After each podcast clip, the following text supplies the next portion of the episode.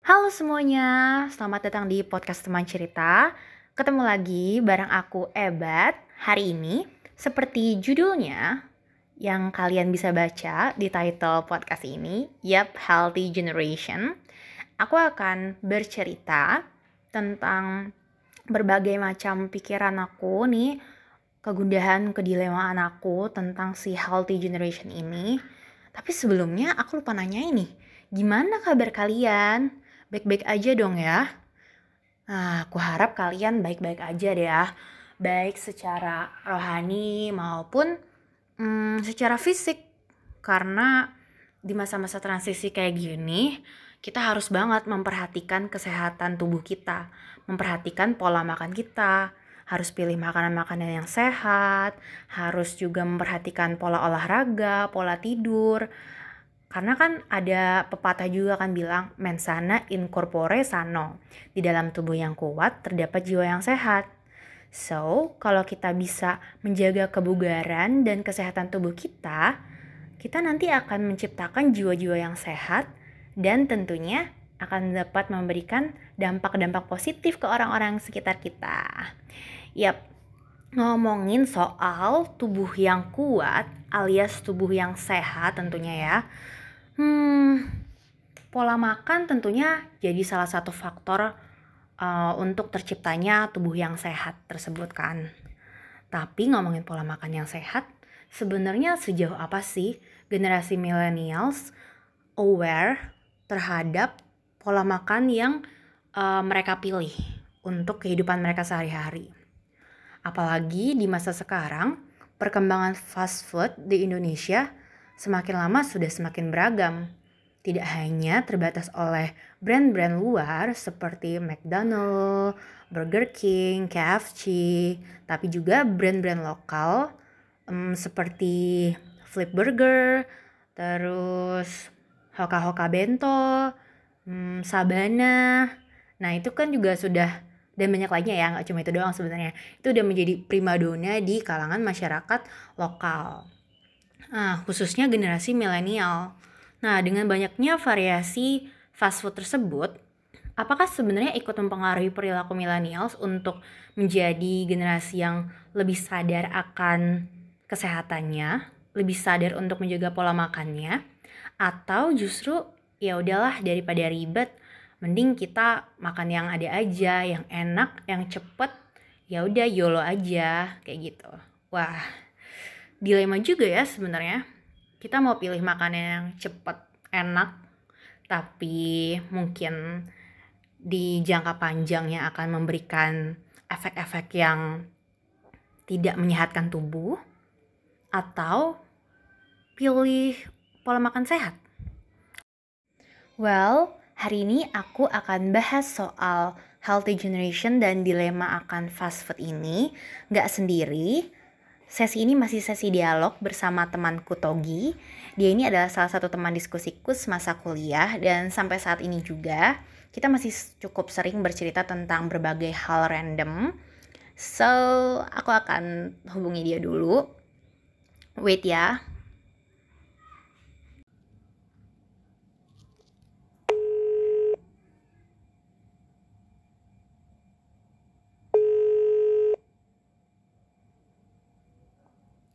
Halo, Assalamualaikum, Gi. Yuk. so, Gi, gimana, gimana? Sebelum kita berlanjut ke cerita-cerita, gimana kabar kamu di sana? Sehat, alhamdulillah. Oke, nah, kayak yang aku bilang kemarin kan, nih, aku kan kayak pengen ngomongin soal healthy generation kan kayak lebih ke Sip. apa hmm, dengan adanya perkembangan si fast food ini terus millennials yang maunya serba cepet instan nah kayak gitu-gitu kan apalagi di masa pandemik nggak udah masih pandemik tapi lagi transisi gitu kan kalau di Indo nah kayak di masa-masa Ya. sekarang kayak gini nih Gi kamu tuh lebih seringnya kalau makan itu masak sendiri apa order makanan sepas saji gitu? Eh, kalau di rata-ratain sih sebenarnya jadi jadinya hampir bisa dibilang uh, 60-40 lah. Jadi walaupun 60-nya itu order gitu. Oh 60 order 60 persen order gitu jadi emang sih gara-gara ini ya jadi pas selama kalau di kita kan bahasanya PSBB jadi mm -hmm. ya selama selama PSBB ini kan ya mau ada kecemasan lah ya gitu mau ke mana-mana mau belanja mau I mean belanja tuh grocery gitu ya grocery uh -uh. gitu jadi nggak bukan belanja shopping gitu kan tapi ya belanja ya buat keperluan sehari-hari gitu. Nah, itu kan ada was-was juga. Mm-hmm. mau beli bahan makanan mau beli apa pasar apalagi kan.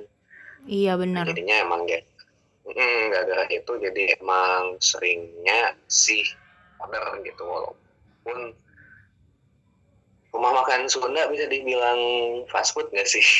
Enggak gak sih. Kayaknya kalau itu masih terhitung yang tergantung kamu ordernya apa sih. Kalau ordernya kayak masih ada sayurannya nggak melulu yang kayak apa fried chicken gitu-gitu kurasa itu masuk ke healthy food mungkin? Mungkin ya. Mm -mm. walaupun walaupun ya nggak tahu ya minyaknya gitu kan. Iya sih, ya semuanya juga kalau kita nggak masak sendiri kan kita nggak bisa ukur bener-bener kan kadar kesehatan dari makanan itu. Hmm, cenderung lebih healthy emang masak sendiri ya. Iya sih bener.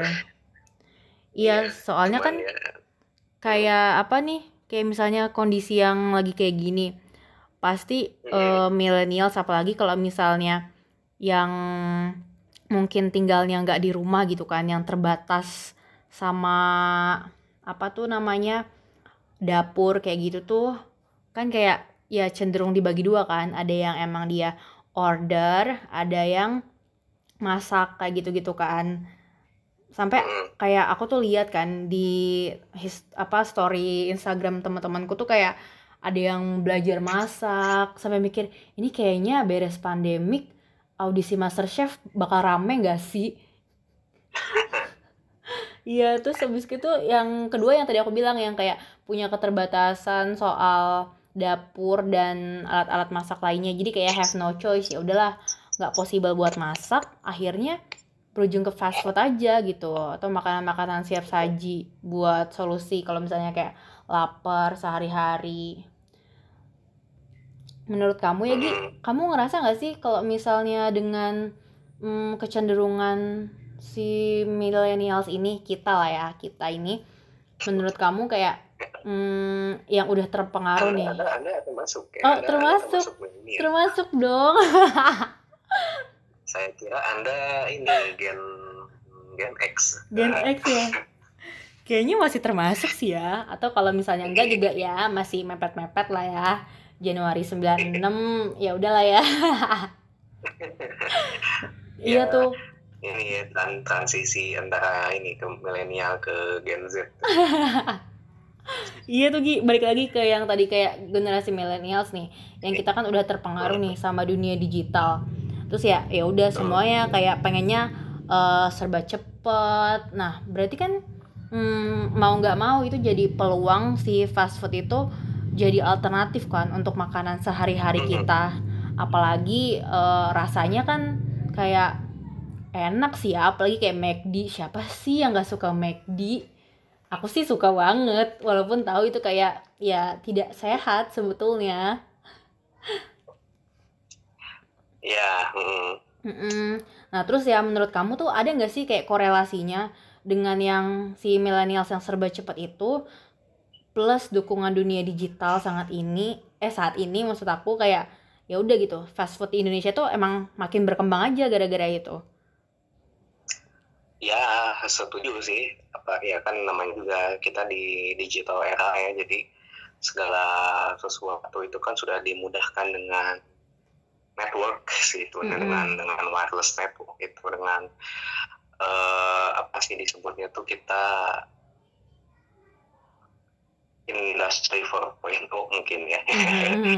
atau mungkin society 5.0 gitu kan jadi yang mm -hmm. Segala sesuatunya itu pertama dari sebelum wabah pun gitu dari sebelum wabah pun kan kita sudah di provide. tanda kutip di ya di tanda kutip dimanjakan dimanjakan di provide gitu kan dengan mm -hmm. teknologi. Masuk aku juga sih jadi ya emangnya susah uh, untuk uh, terutama milenial milenial emang susah uh, lepas gitu kan dari yang namanya gadget. Dan pasti sih berpengaruh uh, pasti berpengaruh. Soalnya kan apalagi di saat kayak gini yang emang kita nggak boleh bukan ya mungkin dibatasi ya mm-hmm. pergerakannya gitu. Nggak nggak kalau nggak terlalu urgent nggak harus nggak harus keluar rumah dan segala macam otomatis kan nggak tadi benar juga kalau terus di rumah gabut gitu di rumah gabut mau belanja males takut was was gitu kan ya udah mm-hmm. pesen aja gitu ditambah lagi kan ya emang uh, walaupun dalam kondisi PSBB gini kan uh, apa sih namanya itu ya si pengiriman online atau si uh, ojek online itu kan mm -hmm. memang tetap jalan juga gitu walaupun bukan penumpang ya ya itu dia mm -hmm. karena emang kalau ngelihat sih mungkin ya mungkin emang ini aja sih budaya praktis di kita tuh tinggi banget gitu. di Indo tuh tinggi banget sih budaya praktisnya. Mungkin ya di seluruh dunia yang worldwide juga mungkin seperti itu juga gitu. Cuma kalau yang kulihat di Indonesia kan emang serba praktis gitu ya. Apa-apa online apa-apa online gitu. Masuk makanan juga kan ya kalau bisa online ya online gitu. Terus nggak perlu repot-repot nyuci nggak perlu repot-repot nyuci piring gitu kan habis masak atau habis makan gitu kalau fast food kan kadang si bungkusannya udah ada ya gitu jadi udah yeah. udah dikasih udah dikasih wadahnya udah dikasih kandangan sama cutlery-nya juga mm-hmm. ya mm, ya praktis gitu jadi ya mungkin sangat lekat ya dengan kehidupan milenial ini ini walaupun misalnya ada nih aku lihat aku lihat data ya walaupun emang nggak yang baru ya di mm-hmm. di tahun 2018 aja di 2018 aja itu yang uh, dari ini dari dari rata-rata enam apa mm -hmm. ada penelitian gitu sih dari Roy Morgan jadi diambil kan 10 restoran tertinggi uh, 10 mm -hmm. atau atau outlet fast food mm -hmm. top 10 restoran and fast food outlet in Jabodetabek to eat at have takeaway or home delivery in an average six month wow. Dari, terus gimana tuh? Mm dan hasilnya ya fast food. Fast food ayam. Mm-hmm. sebut merek boleh nggak sih? Oh sebut merek aja. Kayak kayak KFC itu 40 persen gitu. 40 persen si proporsi yang pemesanannya ya pemesanannya ya pemesanan tertingginya wow ini datanya memang mm, datanya diambil dari 5.000 5.283 penduduk Indonesia yang usianya 14 plus 14 tahun lebih ya. Iya. Mungkin ya Gen Z, Gen Z sampai millennials ya. Iya, 14 plus kan ya gitu ya maksudnya. Mm -mm.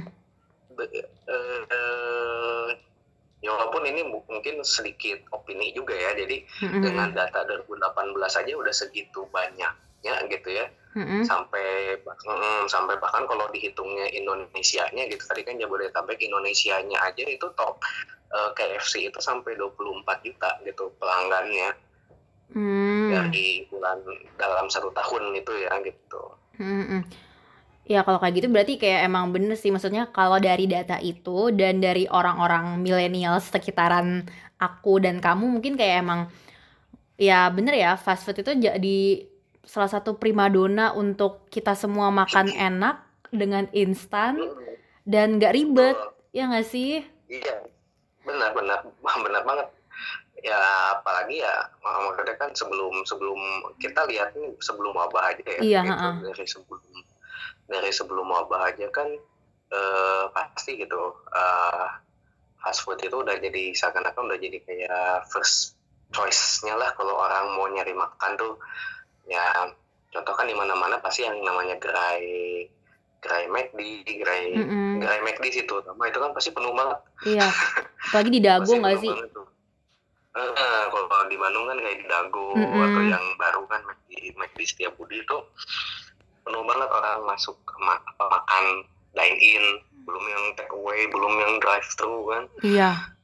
Apalagi gara-gara ada gitu. teknologi drive thru itu ya. Udah nah, aja.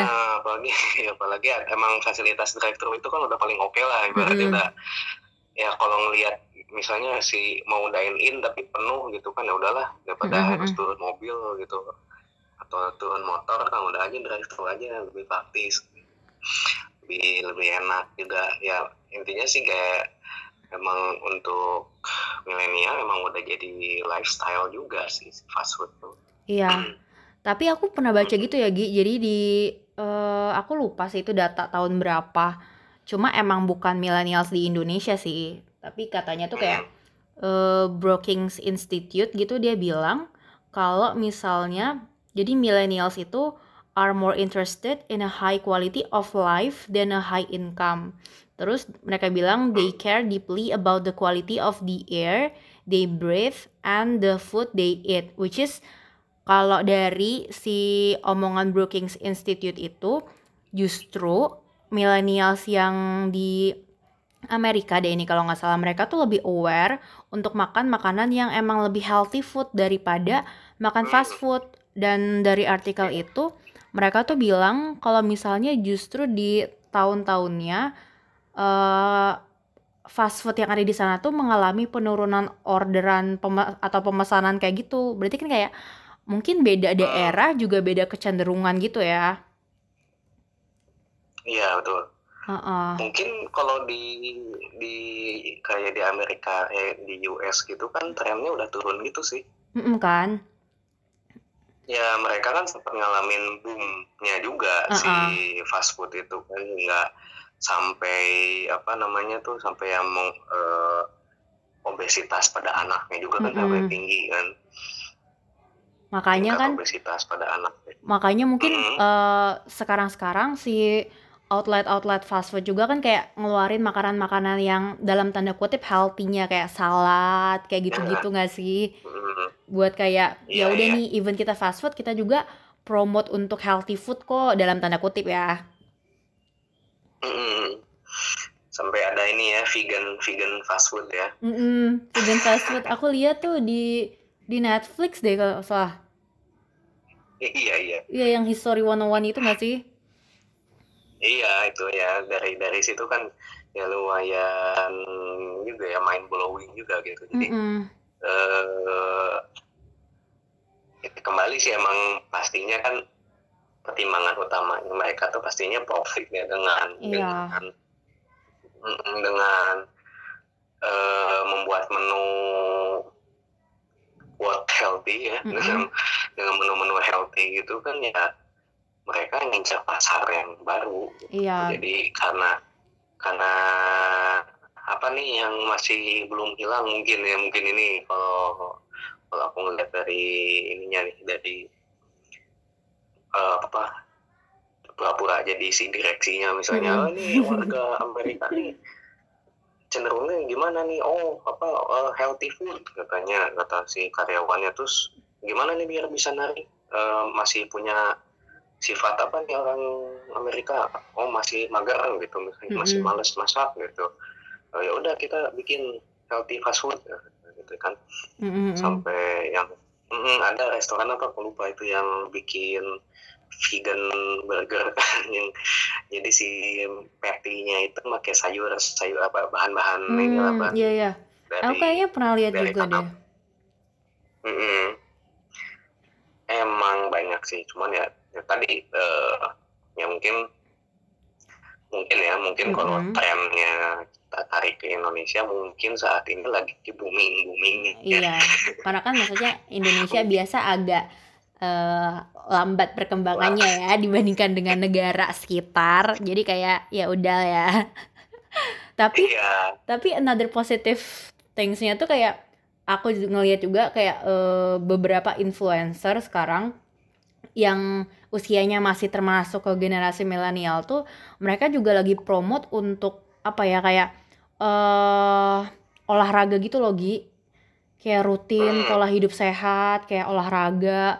Pokoknya kayak yang hmm, apa lari kayak gitu-gitu jogging kayak gitu-gitu. Berarti kan kayak misalnya mungkin emang nggak nggak majoritinya cuma ada juga yang tetap aware gitu loh berarti kan si millennials ini even though mereka suka makan fast food tapi mereka juga tetap aware sama olahraganya. Ya iya kayak gitu. Makanya aku juga kayak setelah melihat itu kayak ya ampun ini emang bisa disebut dilema banget ya. Kayak di satu sisi aduh pengen banget nih makan fast food. Kayak siapa sih yang nggak nggak craving buat makan McD?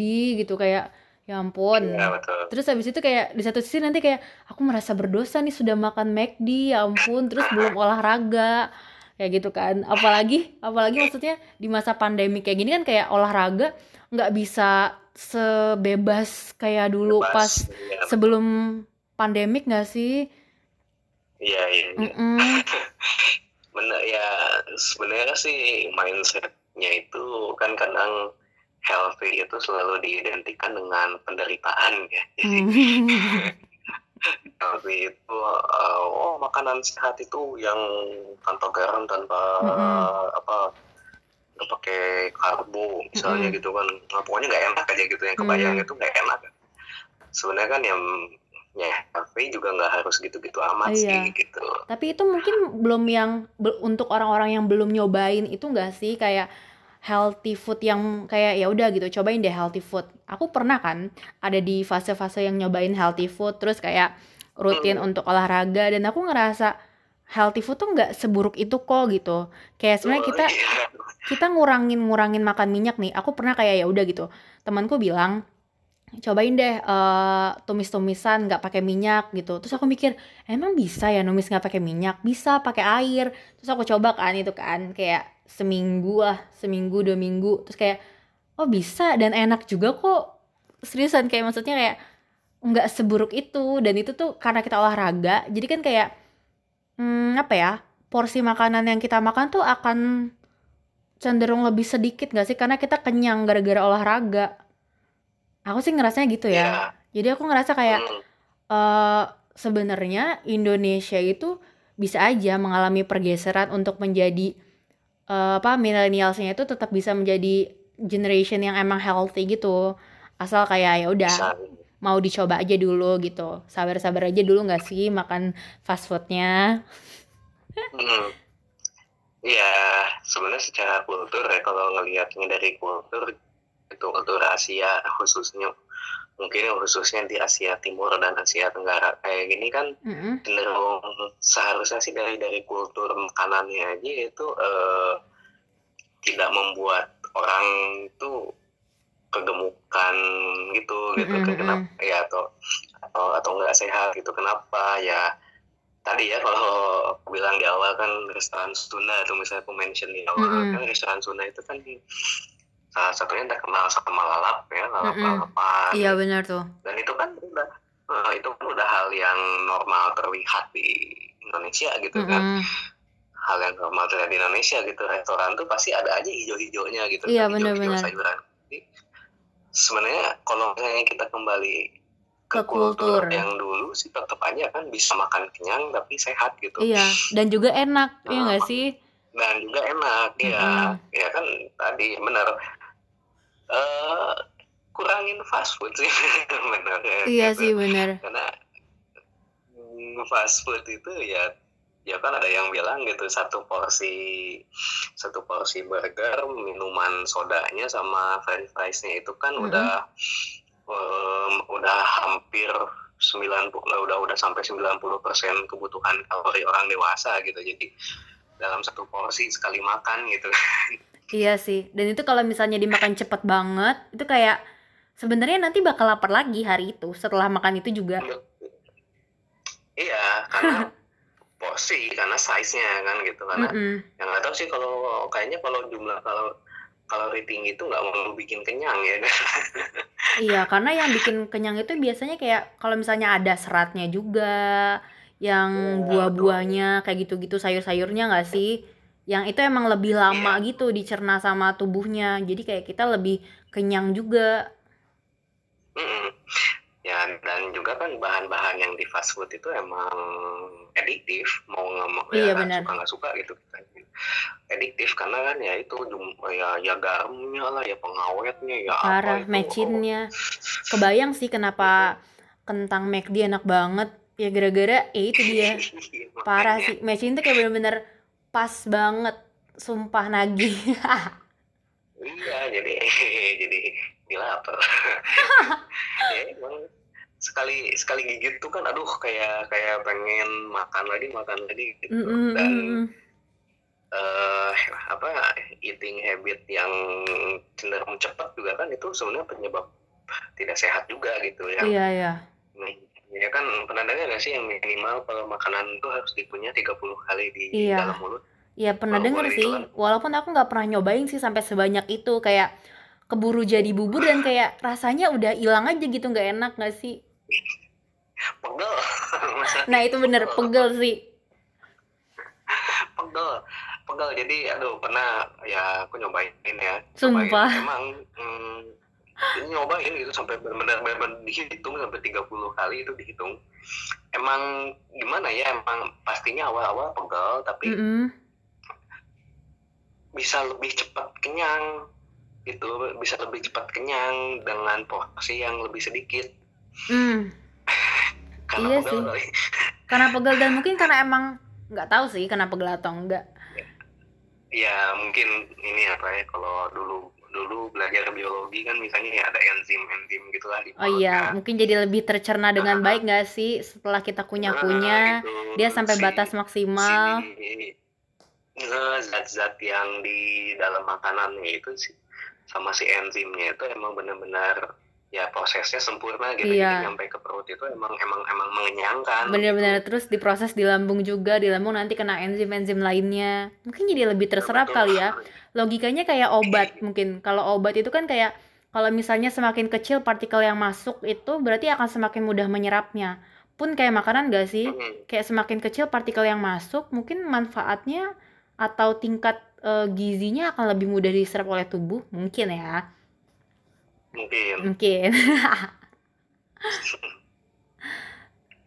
Iya sih dan emang ya tadi ya ke ya emang ya pertama emang untuk healthy sih ya emang harus siap nahan kita harus Mm-mm. mau harus bisa menahan diri gitu ya dari fast food bukannya nggak bukan bukan nggak boleh keingin jadi Iya, ada aku juga Eh. masih tidak bisa menahan godaan tidak memakan fast food. ya gitu jadi kebayangin tuh kan aduh eh eh, kayak misalnya kayak awe awe kan Mm-mm. root beer floatnya itu aduh mantep banget kan gitu Duh, dasar penggemar soda. ya itu itu kan enak gitu cuman Mm-mm. ya tadi kalau kalau misalnya ya bagus sih kayak influencer kita kan udah ngasih apa udah spreading awareness buat tetap kita stay healthy kan jaga Mm-mm. kesehatan ya, emang emang kayak gitu. Jadi kalau misalnya emang pola makan kitanya belum bisa berubah banget gitu ya emang harus diimbangi dengan olahraga. Ya walaupun setelah pola makannya udah bagus juga kan tetap aja harus diimbangi dengan olahraga gitu. Iya benar, at least 30 menit sehari lah ya, at least. ya at least lah gitu. Ya walaupun Uh-uh. saya- ya ya ya emang sih kadang kan eh, yang bikin orang malas olahraga tuh karena pengen instan ya jadi pengen Mm-mm. pengen baru juga lari sehari pengen turun 10 kilo. Gila. Itu. Tunggu dulu, itu mau olahraga atau gimana? kalau larinya kalau misalnya apa eh, larinya sebulan sekali tapi apa seminggu sekali aja tapi pengen langsung turun 10 kilo ya larinya dari Bandung ke Bogor. Mohon maaf, itu lari atau gimana? iya jangan jangan jangan cuman keliling komplek aja baru apa pengen pengen turun cepet ya, kalau pengen turunnya cepet mah sekali lari Bandung Bogor balik lagi ulangin seminggu sekali tuh insya Allah kurus Ya Allah, itu berakhir di rumah sakit gak sih kecapean? Ya Allah. Sumpah sih. ya ya itu ekstrimnya sih cuman kan Iya. ya itu sih yang ya ya karena kita ngomongin healthy generation ya jadi kan eh, ya orang itu cenderung cenderung tadi ya cenderung menghindari healthy itu karena tadi healthy itu mungkin mindsetnya ya selalu identik dengan penderitaan gitu mm. ya kan kayak kayak lari kan capek, mm sakit mm gitu kan. Tapi tuh tapi cuma di awal doang gitu loh. Sebenarnya aku sih ya, aku ngerasainnya gitu ya. Kayak waktu pas lagi pas kemarin aku di KL tuh kan kayak emang bener-bener lagi semangat semangatnya banget nih oke aku harus olahraga nih uh, mindsetnya kayak ya udah aku pengen uh, tubuh aku tuh jadi lebih sehat. Karena kan maksudnya aku pola tidurnya kan nggak sehat gitu kan. Kayak ya udah aku yeah. tidurnya jam 2 tapi pasti kebangun pagi. Pasti kebangun pagi which is aku cuma tidur sekitar 3 jam 4 jam. Dan aku tuh kayak mikir aku sempat ngomong ke apa uh, psikolog kantor aku. Dan mereka uh, eh, dia nyaranin aku untuk kayak ya udah coba olahraga. Ya udah kan aku cobalah tuh olahraga pagi-pagi. Terus habis itu uh, ngelakuin aktivitas lain sampai nanti uh, apa namanya ngantor. Terus habis itu setelah itu kayak ya udah aku fokus gitu-gitu. Biasa uh, apa dengerin lebay kayak gitu-gitu kan. Terus habis itu ya udah akhirnya aku bisa tidur dan kayak aku coba itu seminggu. Dan kalau misalnya nggak olahraga tuh justru kayak ngerasa apa ya kayak kurang gitu loh. Kayak aku butuh nih berkeringat. Justru kayak kan katanya kalau misalnya berolahraga itu ada hormon hormon apa ya? Aku lupa. Yang menghasilkan dan itu tuh kayak sama uh, dengan menghasilkan kebahagiaan gitu loh. Aku lupa nama hormonnya oh. apa. Kayak gitu. Endorfin. Ah endorfin deh kayaknya kalau nggak salah ya. Nah itu tuh jadi kayak aku tuh justru craving untuk berkeringat gitu untuk berolahraga. Kayak bener-bener pas aku di KL kan kayak nggak ada hari tanpa tidak renang kayak gitu-gitu kan walaupun misalnya kalau renang kan nggak kerasa keringetnya kan makanya di akhir-akhir aku yeah. ganti jadi kayak lari gitu tapi itu dia maksud aku untuk jadi healthy generation itu pertama itu ya tetap maksudnya kita millennials emang sekarang lagi ada di fase yang emang eh, nggak uh, bisa belum bisa lepas sepenuhnya dari fast food kan karena kan itu kayak hmm. budaya yang dibawa dan kita sudah mulai terbiasa untuk memakan makanan instan dan enak itu kan. Cuma untuk menjadi healthy generation yang pertama kita tetap harus aware nggak sih? Berarti kan kita harus encourage diri kita untuk meningkatkan self awareness kita gitu. Kalau ingat kita juga harus sehat gitu. Masa kita mau makanan enak uh, hidupnya yolo yolo aja tapi nggak nggak memperhatikan kesehatan kita gitu. Gimana nanti kalau di masa tua ternyata kalau kita terus terusan makan fast food kita bakal jadi kayak orang tua jompo yang nanti nyusahin orang-orang sekitar kita gitu kan.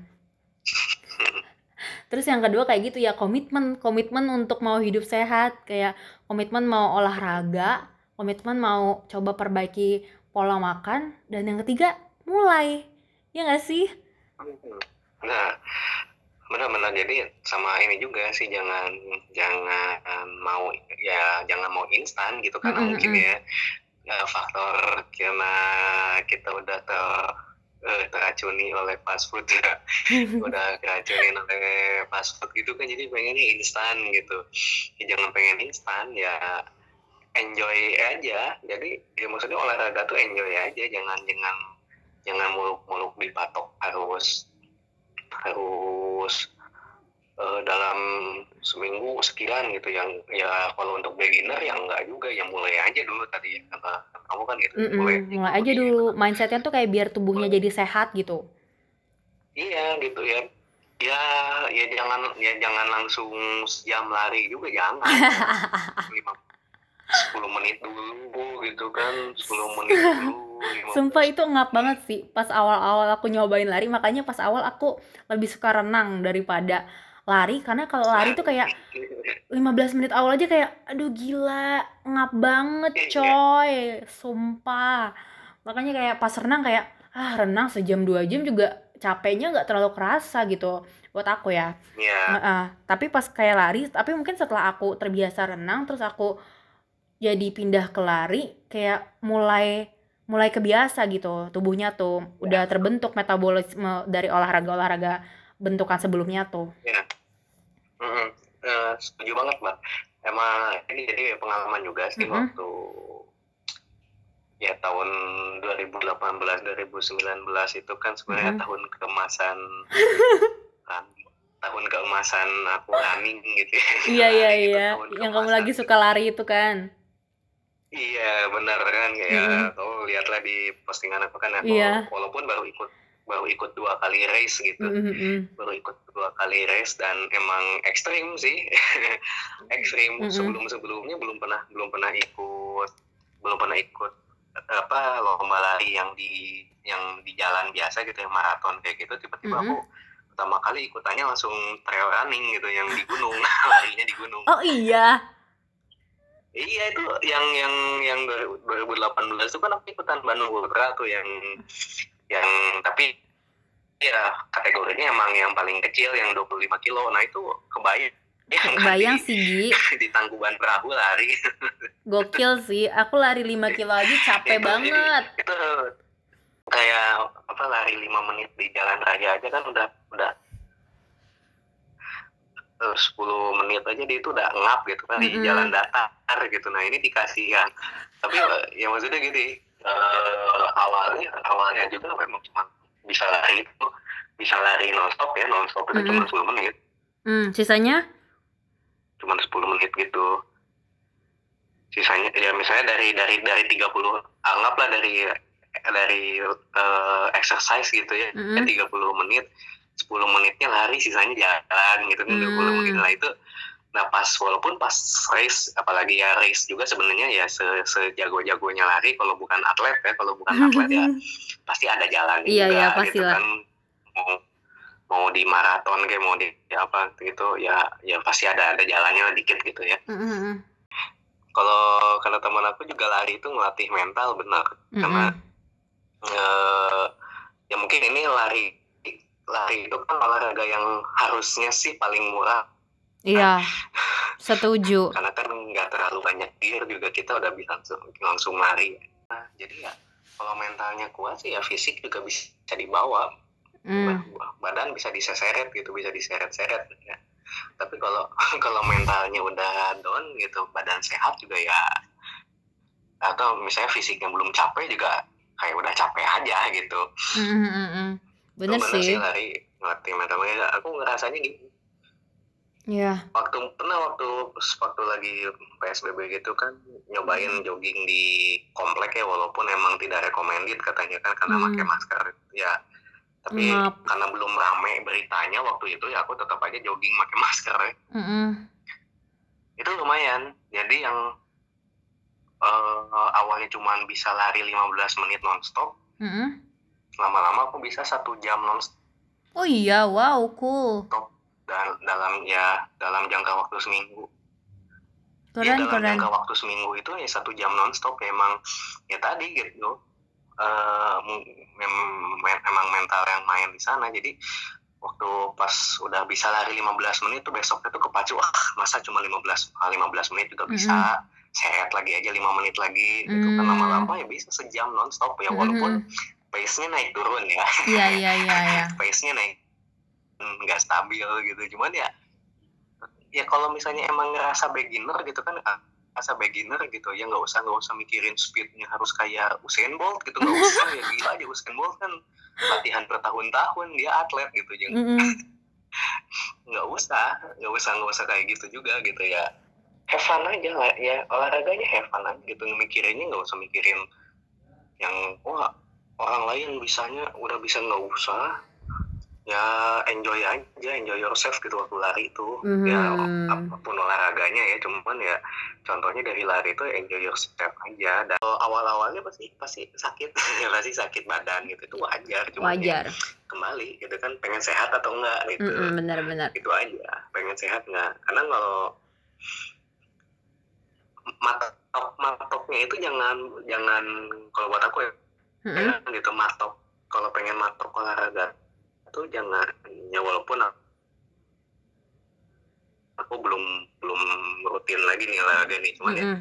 eh, eh, 10 kilo lari gitu 10 Mm-mm. kilometer lari misalnya atau dalam satu bulan mau turun 10 kilo misalnya gitu ya Mm-mm. kalau emang ngerasa masih beginner jangan ya paling patokannya gini dalam seminggu mau berapa hari ini lari gitu Mm-mm. Iya mau sih. hari apa nih? Mulai lari hari apa? Dipakai hmm. buat dipakai buat lari. Kapan resting day-nya gitu. Nah itu hmm. aja. Jadi patokannya ya dalam seminggu itu ya lari gitu. Jadi dalam satu minggu ya olahraga. Misalnya ah aku mah mau olahraganya hari Senin Selasa ke Kamis Jumat misalnya hmm. gitu. Ya itu ya itu aja. Iya, pelan-pelan gitu nggak sih? Lama, emang setelah udah mulai enjoy olahraga nah, iya benar pelan-pelan gitu. Jadi kadang ya itu tadi mungkin kalau di pikirannya milenial mungkin karena budayanya pengen praktis ya kayak tadi itu ber berekspektasi besar dalam satu kali latihan gitu. Jadi hmm. baru berlari sekali udah pengen kayak gimana gitu. Ya nggak ya kalau misalnya beginner oh ya jangan berharap bakal ini gitu ya jangan berharap bakal langsung Wong bisa lari 10 km langsung di jangan ya. Pelan. Pelan dulu ah ya itu kadang itu mindset itu juga kan masih suka apa ya kepikiran juga aku gitu kan kayak aduh eh, uh, saya lari itu ada asa capek nanggung lah gitu kan. Mm -hmm. uh, ini ini ya audiensnya Sunda ya maaf lupa lupa. Nggak apa apa Gi. Apa apa apa apa oh ya udah. Ya punten punten wes sok kelepasan Rio Sunda saya mah. Iya sih ya. Ya, ya. ya intinya sih dari aku tadi ya kalau mungkin kan kalau dari kamu tadi hmm, ada eh, yang terakhir kan kamu bilang mulai, mulai. aja kalau yang dari aku ya tadi yang ditambahin sama aku sih jangan jangan dulu berharap berekspektasi lebih mm don't expect enjoy too much lah aja, ya. enjoy dulu aja. Olahraga enjoy ini. gitu mm -mm, mau mau misalnya mau uh, aduh uh, misalnya lari lari belum masih biasa kalau pakai masker ya udah kan minimal push up sit up squat jam di rumah bisa gitu. Iya atau yang kalau di rumahnya emang punya equipment kayak sepeda statik gitu hmm. kayak sepeda statik kan ya lumayan masih hmm. bisa di rumah kan hmm. banyak juga kok sekarang kayak video-video YouTube yang emang kayak apa menyediakan gimana sih caranya workout tapi no equipment kayak gitu dan kita tetap bisa enjoy gitu sambil kita pasang-pasang ah, iya, musik. Uh, jadi sebenarnya kayak untuk jadi healthy generation as millennial itu kayak jangan terlalu banyak excuse tapi itu dia mulai dulu. Don't expect too much. Enjoy yourself. Ya nggak sih? Iya, Benar banget. Makan kalau misalnya yang yang ngerasa aduh sibuk nih gitu kan udah ada seven minutes workout ya. Exactly. Gerak iya gerakannya simple gerakannya simple gitu. Nggak perlu untuk beberapa mungkin ada yang perlu equipment paling cuma kursi kan. Mm -hmm. equipmentnya kursi gitu. Ya nggak perlu equipment yang ribet-ribet. kelas lah gitu mm -hmm. yang kayak treadmill apa enggak. Kok yang mm -hmm. tapi itu efektif katanya sih efektif ya. Uh, ya lumayan aja lah.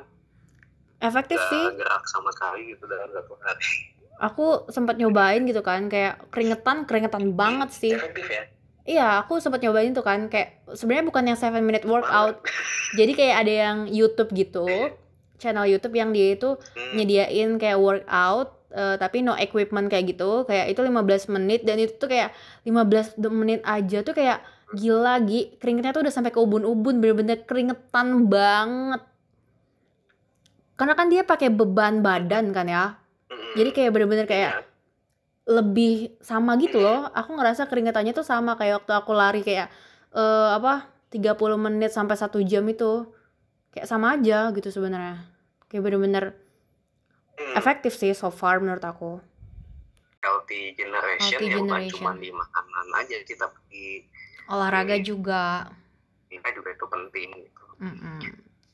karena kan penyakit-penyakit yang emang penyakit tidak menular ya masuknya kan yang penyakit penyakit tidak menular yang berbahaya gitu kan mm-hmm. kayak diabetes jantung mm-hmm. itu kan bahkan nyerangnya aja udah sampai nyerang usia muda gitu iya yeah. Kan. udah sampai nyerang ke usia muda kan berarti uh, ada berarti kan ya something wrong with our lifestyle gitu ada mm-hmm. yang salah dari lifestyle kita selama ini gitu yang yaitu ya harus kita ubah harus kita ubah gitu ya karena kan ya masa sih mau jadi generasi penyakit? Enggak juga. Iya benar. Makanya harus sadar ya, dari itu, sekarang penyakit, gitu kan. Penyakit penyakit yang ya mostly kan ya diabetes jantung kan itu adalah penyakit yang karena lifestyle kan. Mm -mm.